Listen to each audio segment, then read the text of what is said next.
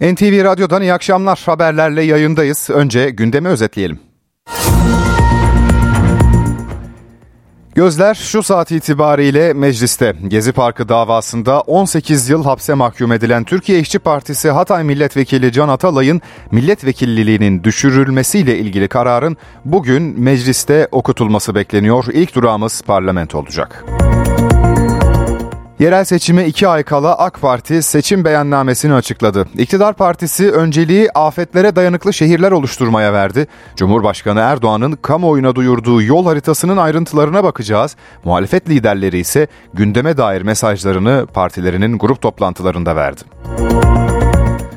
İstanbul'da kiliseye saldırı soruşturmasında faillerin kullandığı silah bulundu. İki saldırganın emniyet sorgusu sürüyor. Hedef kimdi? Zanlılar nasıl yakalandı? Az sonra aktaracağız. Havalar soğuk seyrediyor. Dün akşam Ardahan'da soğuk rekoru kırıldı. Peki bu dönemde bağışıklığı güçlendirmek için nasıl beslenmeli, nelerden uzak durmalıyız? Uzmanından öneri ve uyarılar aldık. Gündemden satır başları bu şekilde. Ben Ege Berk Kiraz, NTV Radyo'da akşam haberleri başlıyor.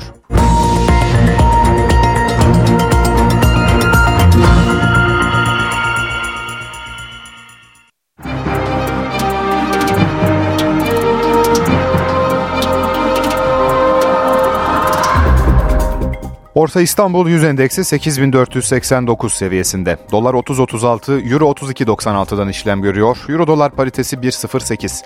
Ons altın 2048 dolarda, gram altın 1999, çeyrek altın 3390 liradan satılıyor. Brent petrolün varil fiyatı 82 dolar.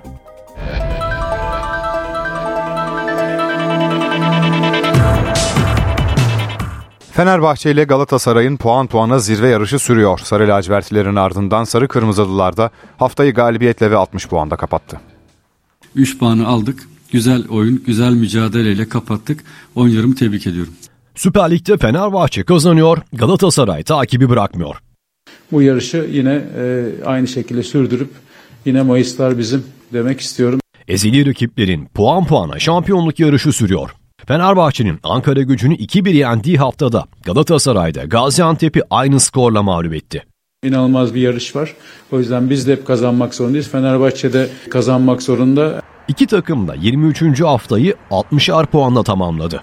Fenerbahçe 9 averaj farkıyla liderliğini korudu. Avrupa'da şu anda en çok gol atan takım Fenerbahçe. Bu kadar gol pozisyonuna giriyoruz, üretiyoruz, hala oynuyoruz, hala savaşıyoruz, oyundan düşmüyoruz. Bu en güzel tarafı bizim takımımız için. Şampiyonluk yolunda bazen 5-0 kazan, bazen 1-0, 2-1 kazanmak çok çok önemlidir. Şampiyonluk yarışında yalnız kalan Fenerbahçe ile Galatasaray puan farkını Trabzonspor'la 23'e, Beşiktaş'la 24'e çıkardı. Galatasaray Teknik Direktörü Okan Buruk'a göre geçmiş yıllara göre daha farklı bir rekabet var. Bundan önceki senelerde ligde puan kaybı normal karşılanabilirdi ama artık puan kaybı normal karşılanmıyor. Süper Lig'in 24. haftasında Galatasaray Cuma günü Samsun Spor'a konuk olacak. Fenerbahçe'de Cumartesi günü deplasmanda Antalya Spor'la karşılaşacak. Galatasaray'da sağ ve sol bek arayışı sürüyor. Okan Buruk UEFA Avrupa Ligi maçları için transferlerin cuma gününe kadar tamamlanmasını istiyor. Galatasaray'da transfer çalışmaları sürüyor. Çok fazla maç oynayacağız biliyorsunuz. Yani Avrupa var, kupa var. Bu denklemi çözebilmem için benim de tabii ki bir an önce bu transferleri yapmak istiyoruz. Sarı Kırmızılar en az iki takviye yapacak. Bir sağ bek bir sol bek çok acele e, istiyorum hızlı bir şekilde Cuma gününe kadar e, bir sağ bek bir sol bek transferi hızlı bir şekilde yapmamız gerekiyor. Zor bir dönem zor mevkiler e, tabii ki transferin son haftası burada oyuncu transfer yapmak çok kolay değil ama e, en iyisini yapmaya çalışacağız. Galatasaray'ın gündeminde sol bek için Rıdvan Yılmaz liste başı isim. Sağ bek içinse Loren Asignon, Cedric Suarez ve Jonathan Klaus öne çıkıyor. Ancak teknik heyetin listesinde alternatif isimler de var. Bugün Kaan'ı sağ bekte kullandık. Genel olarak iyi oynadı. Barış oyunun devamında sol beke geçti. Berkan oynadı. Yani hepsi ellerinden geleni yapıyorlar. Galatasaray sağ bek Sasha Boye'yi Bayern Münih'e 30 milyon euroya satarak Türkiye'de transfer rekorunu kırdı. Sol bek Angelinho ile ise yetersiz performansı sebebiyle yollar ayrıldı. Türkiye'de ara transfer dönemi 9 Şubat'ta sona erecek. Ancak Avrupa Ligi'nde playoff turu oynayacak Sarı Kırmızılıların kadrosunu 2 Şubat Cuma gününe kadar UEFA'ya bildirmesi gerekiyor.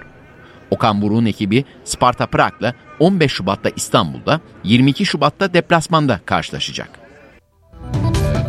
Fenerbahçe iki futbolcusuna veda etmeye hazırlanıyor. Sarı lacivertlilerde Crespo İspanya yolcusu olmaya hazırlanırken Bartu Elmas Sivas Spor'a kiralandı. Miguel Crespo Rayo Vallecano ile anlaştı. Portekizli orta saha oyuncusu sağlık kontrollerinin ardından satın alma opsiyonuyla birlikte sezon sonuna kadar kiralanacak. Bartu Elmaz da sezonun geri kalanını Sivas Spor'da geçirecek. Teknik heyet potansiyeline inandığı genç oyuncunun daha fazla süre alarak gelişmesini umuyor. Trabzonspor'da kadro dışı kalan Abdülkadir Ömür kariyerini İngiltere'de sürdürecek. Bordo Mavililer milli futbolcunun transferi için Acun Ilıcalı'nın sahibi olduğu Hull City ile anlaştı. 24 yaşındaki hücum oyuncusu dün gece Trabzon'dan ayrıldı. Abdülkadir Ömür bugün sağlık kontrolü ve imza için İngiltere'ye hareket etti. İngiliz basınına göre Hull City bu transfer için 4 milyon sterlin bonservis bedeli ödeyecek. Fenerbahçe Beko Euroleague'de çift maç haftasına Fransa deplasmanında Asfer karşısında başlıyor. Yasikevicius'un ekibi Euroleague'de 24. haftaya 14 galibiyetle 5. sırada girdi. Fenerbahçe Beko'da Metecan Birsen ve Dişan Pierre sakatlıkları nedeniyle forma giyemeyecek. Nate Sestina, Nigel Hayes Davis ve Tarık Biberovic'in durumları ise maç öncesi kesinleşecek. Mücadele saat 22'de başlayacak. Pekin 2022 kış olimpiyat oyunlarındaki tarihi performansıyla parlayan Kamila Valieva'nın yıldızı kısa sürede söndü. Pozitif doping numunesinin ardından başlayan davası sona erdi. 17 yaşındaki buz patenci 4 yıl men cezası aldı.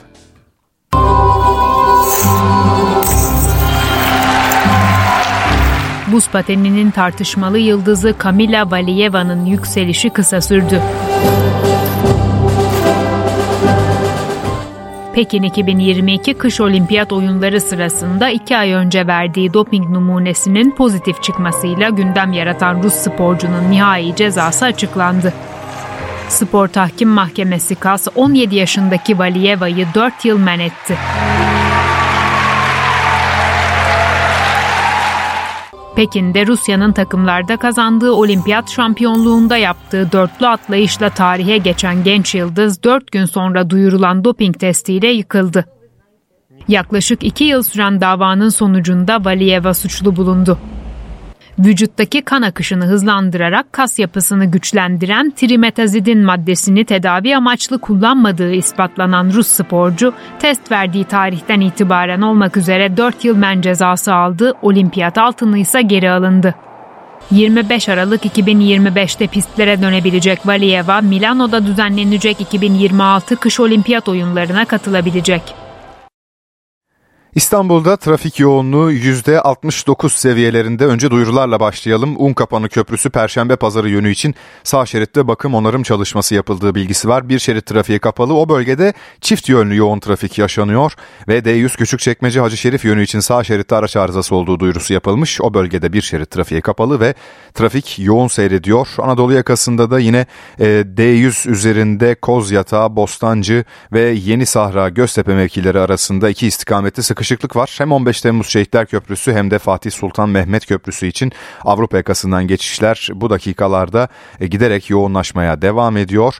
Fatih Sultan Mehmet Köprüsü için Avrupa yakasından geçişler yoğun ancak Anadolu'dan geçişlerde bu dakikalar akıcı seyrediyor yolda olanlara iyi yolculuklar.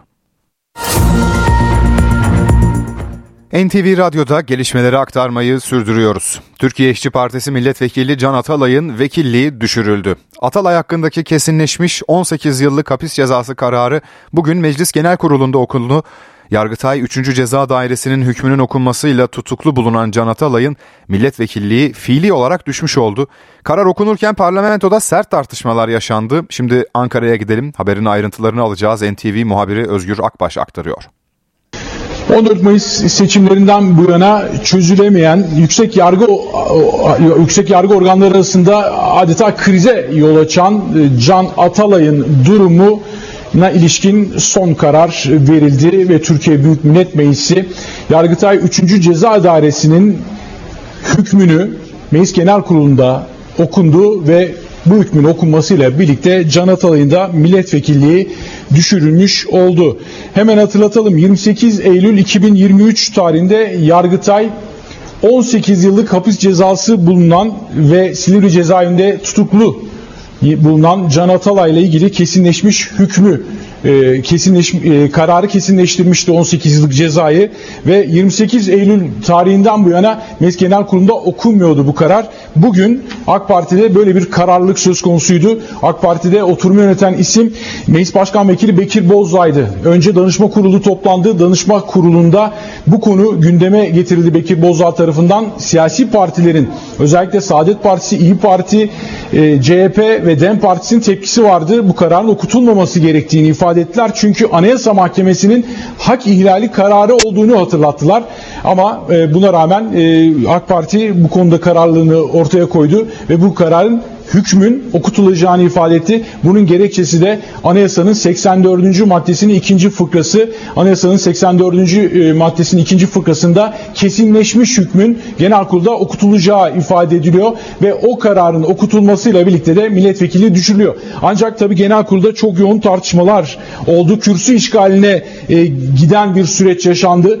E, karar okutulurken Yargıtay 3. Ceza Dairesi'nin kararı okutulurken katip üye okurken bir anda meclis kürsüsünde şeklinde sıralara vurdular e, muhalefet partisi milletvekilleri. Sonrasında ellerinde dövizleriyle başkanlık divanının üzerine yürüdüler. O sırada AK Partili milletvekilleri de başkanlık divanını korumaya aldı. O zor şartlarda Bekir Bozdağ, Meclis Başkan Vekili Bekir Bozdağ e, Can Atalay ile ilgili kararı okudu. O kararın okunmasıyla birlikte Can Atalay'ın milletvekilliği düştü. Şimdi bundan sonra neler yaşanacak bu merak ediliyor. Çünkü bu süreçte Can Atalay tutukluydu. Ee, Anayasa Mahkemesi'nin verdiği ihlal kararları vardı. Buna rağmen tahliye edilmemişti. Yargıtay 3. Ceza Dairesi'nin aldığı kararlarda Anayasa Mahkemesi'nin kararlarına uymama kararıydı. Yargıta bir yargıda bir krize ulaşmıştı. Şimdi meclis kesinleşmiş hükmü okudu. Anayasa Mahkemesi'nin kararına rağmen okudu. Peki bundan sonra ne olacak? Bu merak ediliyor. Tabii meclisin bir kararı yok. Meclisin kararı olmadığı için bu karara itiraz hakkı bulunmuyor. Ancak Can Atalay'ın avukatlarının sıralı ihlaller yapıldığı gerekçesiyle Anayasa Mahkemesi'ne başvurması bekleniyor. Daha önce Enis Berberoğlu ve Ömer Faruk Gergerlioğlu gibi iki isim, iki milletvekilinin de hükmü okunmuştu, kesinleşmiş hüküm okunmuştu. Milletvekilliği düşmüştü. Ancak Anayasa Mahkemesi'ne giderek her iki, iki milletvekili de hak ihlali kararı alarak geri dönmüştü. Can Atalay yeniden Anayasa Mahkemesi'ne üçüncü kez gidecek mi? Eğer giderse Anayasa Mahkemesi nasıl bir karar alacak? Bu da merak konusu. Ayrıntıları aldık. Ankara'dan NTV muhabiri Özgür Akbaş'ın notlarını dinledik. İstanbul'da İtalyan kilisesine silahlı saldırı düzenleyen iki zanlının emniyet sorgusu sürüyor. Polis ilk ifadeler sonrasında kanlı eylemde kullanılan silahları buldu. Santa Maria Kilisesi başrahibi de olay günü yaşadıklarını anlattı. O anların görüntüsü ortaya çıktı. Polis Santa Maria Kilisesi'ni basıp bir kişiyi öldüren iki saldırganın izini sürdü, Başakşehir'de saklandıkları evi tespit etti. Eve operasyon düzenlendi. Rusya ve Tacikistan uyruklu iki zanlı gözaltına alındı. Sivil polise geldiler, içeri gittiler. Ondan sonra aldılar onu, o iki çocuğu aldılar. Bir beyaz şeyleri içine bir şey vardı, bagajı açtılar, içine soktular. Rusya ve Tacikistan uyruklu 51 zanlıdan 23'ü sınır dışı edilecek. DAEŞ bağlantılı iki failin de aralarında olduğu 3'ü Türk 28 şüphelinin sorgusu sürüyor. Polis, Bahçeköy Belgrad Ormanı çevresinde saldırıda kullanıldığı düşünülen silahlara ait parçalar buldu. Ekipler silahların kuru sıkıdan bozma olduğunu tespit etti. Saldırı sırasında pazar ayinini yöneten Santa Maria Kilisesi başrahibi Anton Bulay de yaşadıklarını anlattı. Ben dua ediyordum ve mikrofonda tam algılamadım ilk ilk kurşun ne zaman ateş edildi. Ee, ikinci ses duyduğum an o zaman gözlerimi e, kaldırdım ve kapıda e, iki şahıs maskeli gördüm ve hemen anladım ki e, olay ciddi 15-20 e, ateş duydum. Yaralı mı ölü mü bilmiyordum. Ne olursa olsun gittim kapıya kadar kapıyı kapatmak için yardım etmek ve bu da çok ilginç çünkü bizim kapımız çok rahat bir şekilde kapanıyor. O gün kapanmıyordu. Polis güvenlik kamerası görüntülerinden kilise saldırısını gerçekleştiren zanlıların olay yerine Polonya plakalı bir araçla geldiğini tespit etti. O sırada Polonya Başkonsolosu Witold Lesniak da pazar ayini için ailesiyle birlikte kilisedeydi. İçişleri Bakanı Ali Yerlikaya, Hürriyet gazetesine Polonya Başkonsolosu'nun tesadüfen orada bulunduğunu açıkladı. Tuncer Cihan'ın yaşamını yitirdiği Santa Maria Kilisesi Perşembe akşamı farklı inançlara mensup din adamlarının katılımıyla özel bir ayin düzenlenerek ibadete açılacak. Gazze Savaşı'nda İsrail sivillerin bulunduğu noktaları hedef almayı sürdürüyor. Bu kez İsrail özel kuvvetleri Batı Şeria'da bir hastaneyi bastı. Sağlık çalışanı kılığında hastaneye giren askerler Hamas üyesi olduğunu iddia ettikleri 3 kişiyi öldürdü. Sağlık çalışanı kılığında ellerinde silahlarla hastaneye baskın düzenlediler. Üç kişiyi öldürdüler. Doktor, hemşire ve Filistinli sivil kılığına giren İsrail özel güçleri bir hastaneyi bastı. İsrail güçlerinin ellerinde silahlarla hastanede arama yaptıkları anlar güvenlik kamerası tarafından kaydedildi.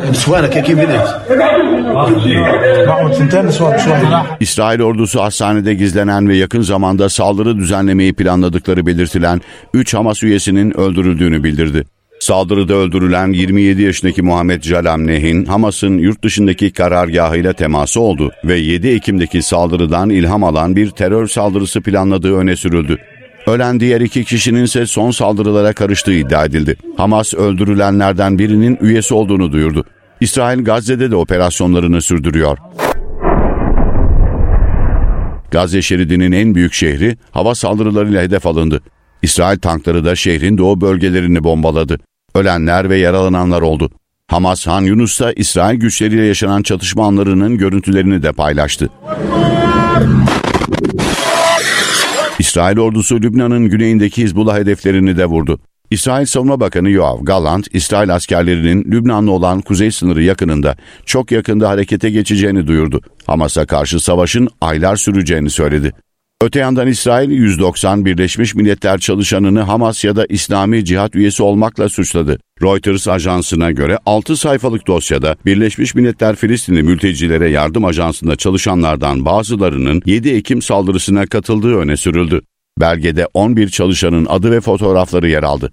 Birleşmiş Milletler bu dosyanın bir kopyasının resmi olarak teslim edilmediğini açıkladı.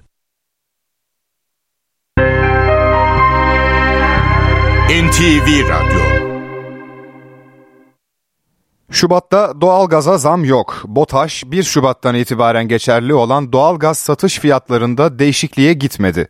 Yazılı açıklamada Şubat tarifesinde hane, elektrik üretim ve sanayide kullanılan doğalgazın fiyatında değişime gidilmediği duyuruldu. Mevcut tarifeye göre doğalgazın 1000 metreküpü konut için dağıtım şirketlerine 4080 liraya satılıyor.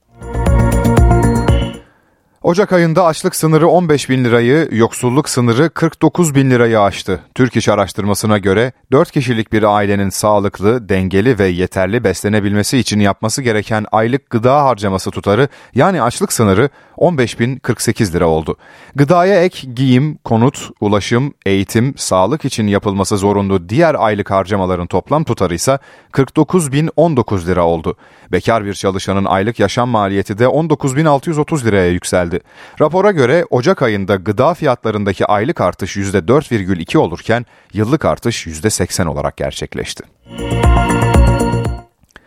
11 ili vuran 6 Şubat felaketinin yıl dönümü yaklaşıyor. Önümüzdeki hafta depremin vurduğu kentlerde düzenlenecek törenlerle kayıplar anılacak. Öncesinde ise felaketle hayatı değişen depremzedelerin hikayelerini mikrofona getireceğiz.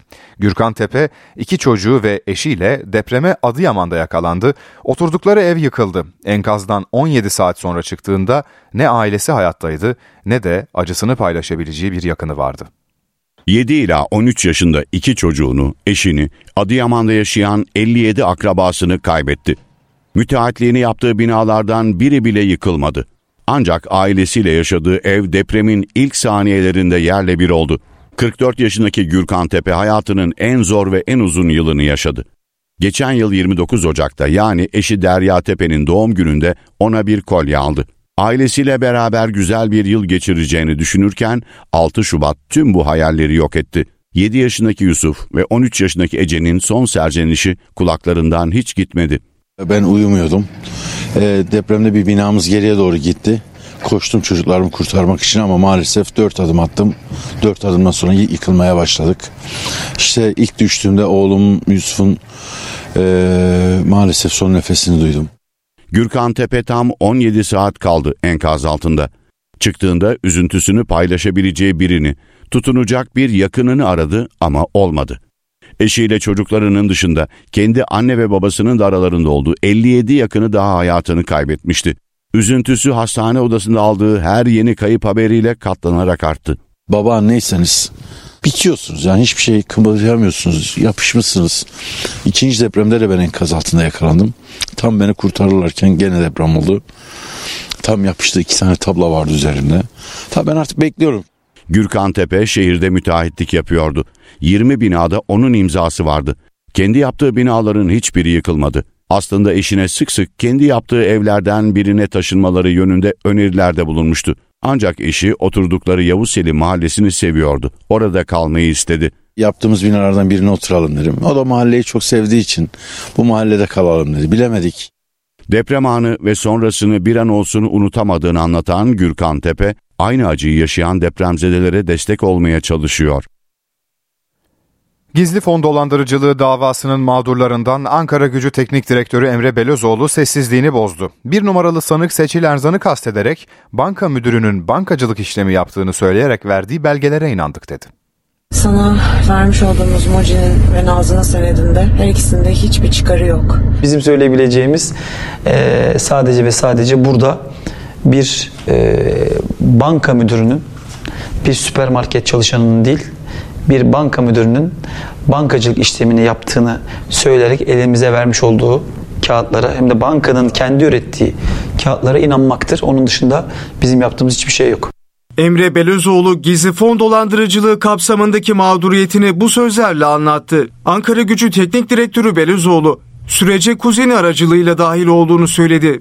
Bir bankacılık işlemi yapacağımızı düşünerek kuzenim vasıtasıyla bir yatırıma giriştik. Açıkçası e, kuzenimin vasıtasıyla girdim. Daha sonra işin ikinci, üçüncü günde renginin biraz değişmesine şahit olduktan sonra bankacılık işlemine binaen bizim elimize bankacılık işlemi yapıldığına dair kağıtlar verildi. Şüphelerinin giderilmemesi üzerine Belezoğlu şikayette bulunduklarını ifade etti. Biz yine de bunlara güvenmeyerek bankaya kendisine şikayet ederek bankanın müfettişlerini banka şubesine getirerek daha sonra da polislerin gelmesini isteyerek hukuksal haklarımızı kullanarak şu an e, bu sürecin e, takipçisiyiz. Bir sonraki duruşmada fona 4 milyon 200 bin dolar yatıran Emre Belezoğlu'nun mağdur sıfatıyla ifade vermesi bekleniyor.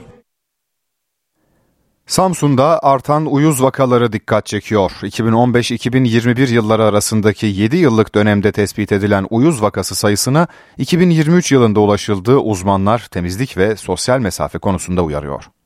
7 yılda görülen uyuz vakası sayısına son bir yılda ulaşıldı. 4000 kişi kaşıntı nedeniyle polikliniklere başvurdu. Türkiye genelinde uyuz hastalığının görülme oranında artış yaşanıyor. Samsun'da dermatoloji polikliniklerine başvuran her 100 hastadan 30'una uyuz teşhisi koyuluyor. 2015-2021 yılları arasında şehirde tespit edilen vaka sayısı 4000 civarındaydı. 7 yılda tespit edilen bu sayı sadece bir yılda ulaşıldı. Uzmanlar ailede bir kişide bir hastalığın teşhis edilmesi durumunda tüm bireylerin tedaviye katılması gerektiğini belirtiyor. Son 7 yıl içerisinde kaşıntı nedeniyle polikliniğe başvuran sayısının 2023 ile aynı olduğunu, 2023 yılında 7 yıllık vaka sayısına ulaştığımızı gördük ve bunun nedeninin de daha çok e, kişilerin eş zamanlı aileleriyle birlikte eğit, e, tedaviye gitmedikleri yönünde olduğunu tespit ettik.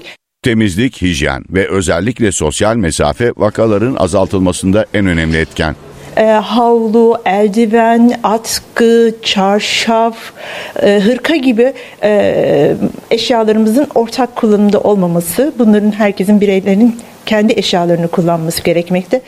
Uzmanlar parmak araları, bilekler, dirsekler ve koltuk altlarında şiddetli kaşıntı şikayeti olanların vakit geçirmeden en yakın sağlık kuruluşuna başvurmasını istiyor. Yurtta soğuk hava etkili oluyor. Özellikle de doğuda. Ardahan'da dün gece en düşük hava sıcaklığı eksi 25 olarak ölçülürken Çıldır ilçesinde ise termometreler eksi 32 dereceyi gösterdi. Böylece Çıldır bu yıl Türkiye'nin en soğuk yerleşim birimi oldu.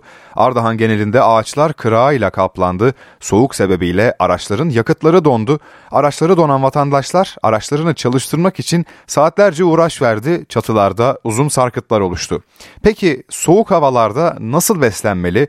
Kış döneminde vücudumuzu hastalıklara karşı nasıl korumalıyız? İş hastalıkları uzmanı Doktor Ayşe Kaya NTV Radyo'nun sorularını yanıtladı bağışıklık sistemimizi kuvvetlendirmek için öncelikle vitamin ve mineral yüklü deposu olan sebzeleri ve meyveleri çok ön planda tutmamız gerekiyor. Günde en az 3 porsiyon taze meyve, 4-5 porsiyon da taze sebze olacak şekilde bir beslenme C vitamini, lif, mineraller açısından son derece zengin bir beslenmedir. Kış sebzeleri olan brokoli, karnabahar gibi kükürt oranı yüksek olan lahanagiller ve turpgilleri çok ön planda tutmak lazım. Çünkü bu sebzeler sülfür oranları yüksek ve bağışıklığa çok çok iyi geliyorlar. Turpgiller, havuç, pancar gibi sebzeleri de ön planda tutmak gerekiyor. Tansiyon ve kalp hastalarının pancarı çok ön planda tutmalarını tavsiye ediyorum. Şimdi meyvelerle ilgili insanların biraz kafası karışık çünkü meyve şekeri bizi şişmanlatır mı? E, meyve yemekten biraz insanlar imtina edebiliyorlar.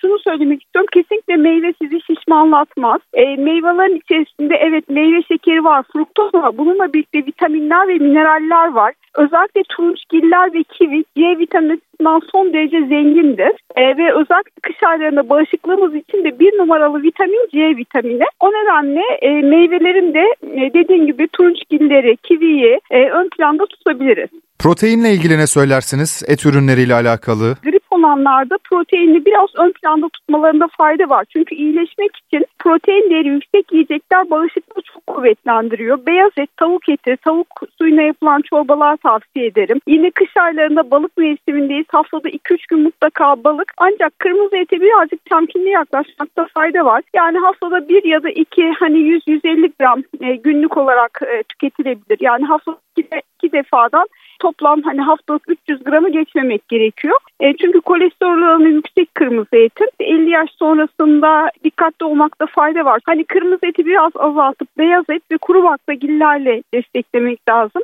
Yine mantar e, kış aylarında kültür mantarlarını her aslında dört mevsimde bulabiliyoruz ama kolesterolü sıfır proteinleri yüksek bir sebzedir mantar e, mantarı da rahatlıkla e, insanlar tercih edebilirler. Yağ da iyi gelir. Hani sıcak tutar. Biraz karbonhidrat iyidir. Enerji de lazım bu soğuk havalarda. Bunların doğruluk evet. payı nedir? Ne söylersiniz karbonhidrat ve yağ e, alımıyla ilgili? Karbonhidrat tüketimi bizim ülkemizde çok fazla ve bununla birlikte diyabet oranı da çok yüksek. E, yani her öğünde çorba, patates, pilav, ekmek gibi karbonhidrat yüksek yiyecekleri bir arada ve çok sık kullanıyoruz. E, karbonhidratları biraz sadeleştirmekte fayda var. Öğünde tek bir karbonhidrat seç seçmek lazım. Bu da ya ekmek ya pilav ya makarna ya patates ya çorba gibi hani bir tanesi olabilir. Ama her yemeğin yanına pilav, makarna koymak, patates koymak, ekmek koymak bu alışkanlıklarımızdan biraz vazgeçmemiz gerekiyor.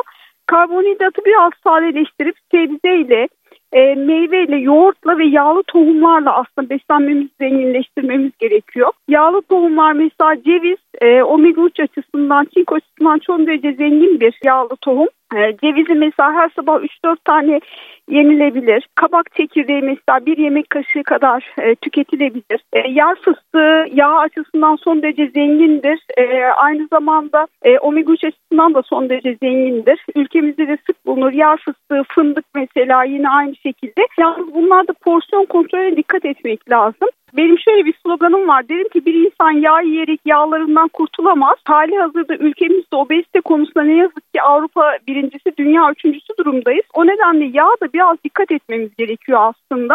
Mesela bir yemek kaşığı kabak çekirdeği yediğinizde bir tatlı kaşığı yağ almış gibi kendinizi düşünün. Yemeklere koyduğumuz yağlara dikkat etmemiz gerekiyor. Bir kilo sebzeyi iki yemek kaşığı kadar zeytinyağıyla pişirebiliriz e, fast foodlardan ve abur cuburdan uzak tutmak durmak gerekiyor. Evde kullandığımız yağı da yemeklere koyarken böyle yemek kaşığıyla ölçerek koyarsak eğer orada da bir kilo sebzeye iki yemek kaşığı kadar yağ koyduğumuzda aslında günlük vücudumuz için yeterli yağı da oradan almış oluyoruz. E, zaten hani yoğurttur, süttür, ayrandır bunların ayrıca hayvansal yağ içerdiği için e, hani onlar da doymuş yağ olarak da vücudumuza faydası oluyor o şekilde. E, her grip, her e, üst solunum yolu enfeksiyonu eşittir antibiyotik kullanmak anlamına gelmiyor. Çünkü gripin ve üst solunum yolu enfeksiyonların aslında en büyük nedeni virüsler. O nedenle e, böyle bir enfeksiyon geçirdiğimizde de rahatlatıcı önlemlere başvurmak gerekiyor antibiyotiklerden önce. Bu işte tavuk suyuna çorba olabilir ya da nane limon çayları olabilir. Annelerimiz küçükken yapardı. E, bunlar gerçekten iyidir. Bunun içinde mesela hemen bir nane limon çayı tarifi vereyim. Bir yemek kaşığı kadar naneyi bir bardak kadar su ile birlikte kaynatın. Sonra naneyi güzelce bir süzün. Çayı güzelce bir süzün. Üzerine bir tane limon sıkın ve bir tatlı kaşığı balla karıştırın. Böyle günde 2-3 kere bunu yapabilirsiniz grip olduğunuzda ya da üst solunum enfeksiyonu geçirdiğinizde. Hemen ilaçlara lütfen koşmayın. Aslında gripin tedavisi şudur. Bir haftada kendiliğinden 7 günde dinlenerek iyileşir diyebiliriz. İlaçlara gerek kalmadan da bu durumu atlatabiliriz. İç hastalıkları uzmanı Doktor Ayça Kaya NTV Radyo'daydı. Avrupa'da çiftçi eylemleri dalga dalga büyüyor. Almanya'nın ardından Fransa'da hükümetin tarım politikalarına tepki gösteren çiftçiler sokağa çıktı. Paris çevresindeki yollar trafiğe kapatıldı. Belçika'da da gösteriler düzenlendi. Paris'i doğu, batı ve güneyden ablukaya aldılar. Hükümetin tarım politikalarına öfkeli Fransız çiftçilerin eylemi devam ediyor. Yüzlerce traktörle otobanları kapatan protestocular çok sayıda noktada trafiği kesti. Protestolara yanıt olarak hükümetin attığı adımlar yeterli bulunmadı. Dizel yakıta yönelik devlet yardımının devam edeceği açıklamasına karşın işçi sendikaları eylemlere devam kararı aldı. Çiftçilerin eylemine iş yavaşlatan taksi sürücüleri de destek veriyor. Paris yönetimi ise Haziran ayında Avrupa Parlamentosu seçimleri öncesinde olayların büyümesini engellemeye çalışıyor. İçişleri Bakanı Gerald Darmanin güvenlik güçlerine itidalli davranılması talimatı verdi. Ancak havalimanları hükümet binalarıyla stratejik noktalara erişimin engellenmesine izin verilmeyeceğini vurguladı. Havalimanlarını korumak için 15 bin polis ve jandarma seferber edildi. Fransa Cumhurbaşkanı Emmanuel Macron krize AB seviyesinde çözüm bulmak için Avrupa Komisyonu Başkanı Ursula von der Leyen'le görüşecek. Fransa'daki çiftçi protestolarının sıçradığı bir başka ülke ise komşu Belçika. Ülkenin güneyindeki otobanları kapatan çiftçiler başkent Brüksel'de de traktörleriyle eylem yaptı. Protestocular gıda ithalatıyla öne çıkan ülkenin en büyük ikinci limanı Zebrugge'ye erişimi engelleyeceklerini açıkladı. Belçika-Hollanda sınırında trafiği engelleyen çiftçilerin Antwerp'e ilerlediği bildirildi. Fransa ve Belçika'nın yanı sıra Almanya, Polonya ve Romanya'da da çiftçiler yüksek yakıt fiyatlarının yanı sıra vergi oranları ve AB ticaret yönetmeliklerinin adaletsiz bir rekabet ortamı yarattığı gerekçesiyle hükümete tepki gösteriyor. Avrupa'da otomobillere kara kutu zorunluluğu geliyor. Temmuz ayından itibaren Avrupa Birliği ülkelerinde satılacak tüm yeni otomobillerde zorunlu kara kutu olacak. Bu cihazlar kaza öncesi ve sonrası otomobildeki tüm verileri kaydedecek. Yeni sistem araçların hava yastığı sistemine gömülü olacak ve isteğe bağlı olarak kapatılamayacak. Hava yastığı ve emniyet kemeri sensörleri tetiklendiğinde EDR adlı sistem devreye girecek. Kara kutular hız, fren, pozisyon ve aracın titreşimine ilişkin verilerini toplayacak. Acil bir durum tespit edildiğinde araç yardım çağırabilecek. Türk astronot Alper Gezer Avcı'nın uzay görevi devam ediyor. Gezer Avcı bitki ve yosunlarla ilgili yaptığı deneye dair sosyal medya hesabından paylaşımda bulundu. Bu deneyde genetik mühendislik yöntemlerinden CRISPR adı verilen teknik kullanılarak bitkilerin sağlığının ve veriminin arttırılması amaçlanıyor. Alper Gezer Avcı paylaşımında Türk bilim insanlarının çalışmaları için gayret göstermenin gurur verici olduğunu vurguladı. Gezer Avcı'nın Uluslararası Uzay İstasyonu'nda kaldığı 14 gün boyunca toplam 13 deney yapması planlanıyor. Dünyanın en zengin insanı Elon Musk'ın sahibi olduğu Neuralink şirketi insan beynini bilgisayara bağlamaya çalışan projesinde yeni bir aşamaya geçti. Musk çip takılan hastanın durumunun iyi olduğunu açıkladı. İlk sonuçlarda umut verici. Neuralink şirketi ilk kez bir insanın beynine çip yerleştirdi. İlk sonuçların umut verici olduğu açıklandı. Ever. Like they were born blind.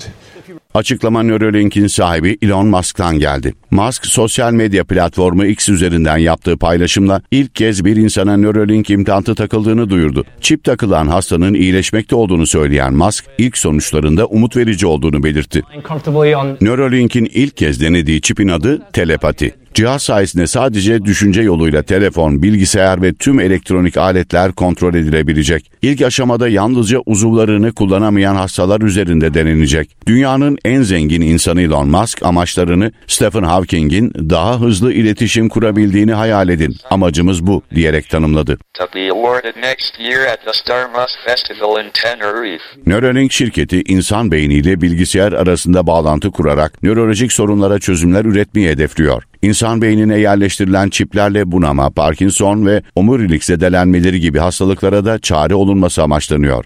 Neuralink Mayıs 2023'te beyin çipi projesinin insan deneyleri için Amerika Birleşik Devletleri Gıda ve İlaç Dairesi'nden onay almıştı. Neuralink şirketinin rakiplerinden Utah merkezli BlackRock Neurotech adlı şirket ise 2004 yılında ilk beyin implantını gerçekleştirmişti.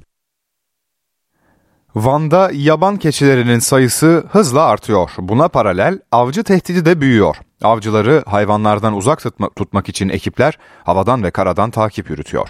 Yaban keçisi vurmanın cezası 250 bin liraya kadar çıkıyor. Son yıllarda Van'da popülasyonlarını korumak için yapılan çalışmalar sonuç verdi.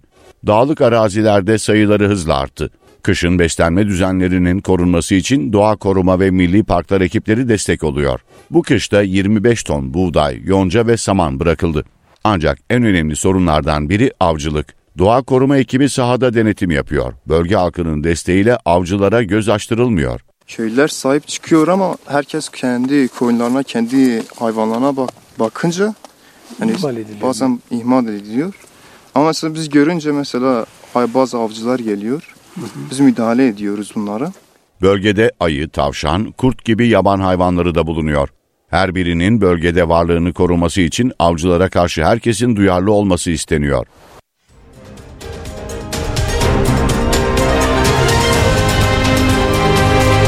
NTV Radyo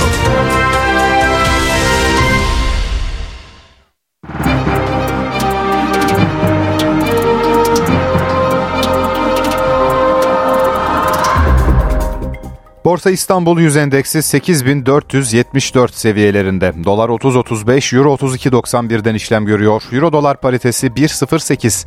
Ons altın 2031 dolarda. Kapalı çarşıda gram altın 1982 liradan satılırken çeyrek altın 3000 e, lira seviyelerinden işlem görüyor ve Brent petrolün varil fiyatı 82 dolar.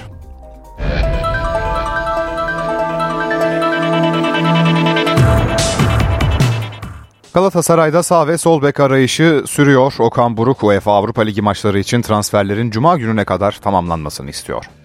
Galatasaray'da transfer çalışmaları sürüyor. Çok fazla maç oynayacağız biliyorsunuz. Yani Avrupa var, kupa var. Bu denklemi çözebilmem için benim de tabii ki bir an önce bu transferleri yapmak istiyoruz. Sarı Kırmızılar en az iki takviye yapacak.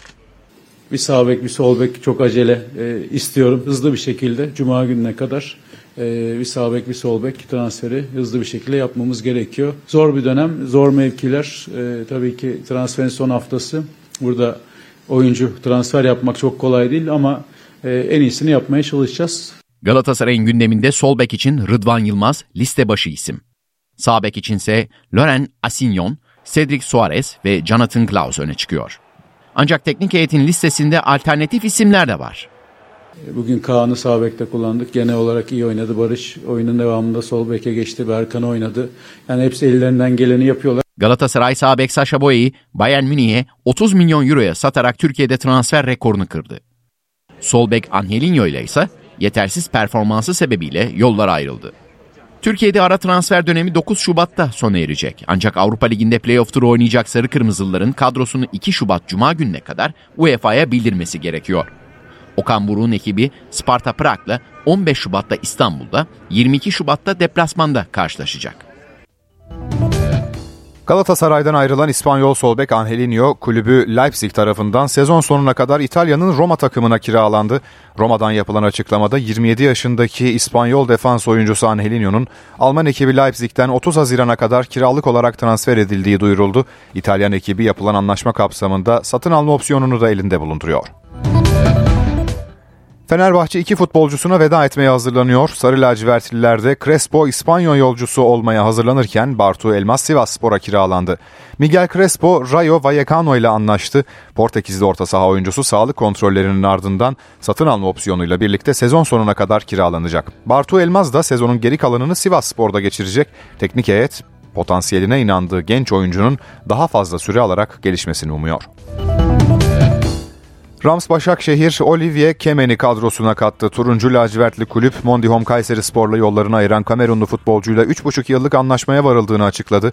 Kayseri Spor formasıyla sezona başlayan Kemen çıktığı 13 lig maçında 2 gol attı. Aynı zamanda ülkesi Kamerun'la Afrika Uluslar Kupası'nda mücadele etti. Ankara gücü İtalyan orta saha Ricardo Saponara'yı transfer etti. Başkent ekibinden yapılan açıklamada Hellas Verona ile anlaşmaya varıldığı ve oyuncuyla bir buçuk yıllık sözleşme imzalandığı belirtildi. Kariyerinde ilk kez İtalya dışında boy gösterecek 32 yaşındaki futbolcu Serie A'da Milan ve Fiorentina'nın da aralarında bulunduğu birçok takımda forma giymişti. Kış transfer döneminde de Suudi Arabistan cazibe merkezi olmaya devam ediyor. Son olarak Hırvat oyuncu Ivan Rakitic El Şebab takımına transfer oldu. Sevilla kulübü 35 yaşındaki orta saha oyuncusu Rakitic'in transferi için El Şebab takımıyla anlaşmaya varıldığını açıkladı. Hırvatistan milli takımında 106 kez forma giyip 15 gol kaydeden Ivan Rakitic kariyeri boyunca Sevilla'nın yanı sıra Basel, Schalke 04 ve Barcelona'da oynamıştı.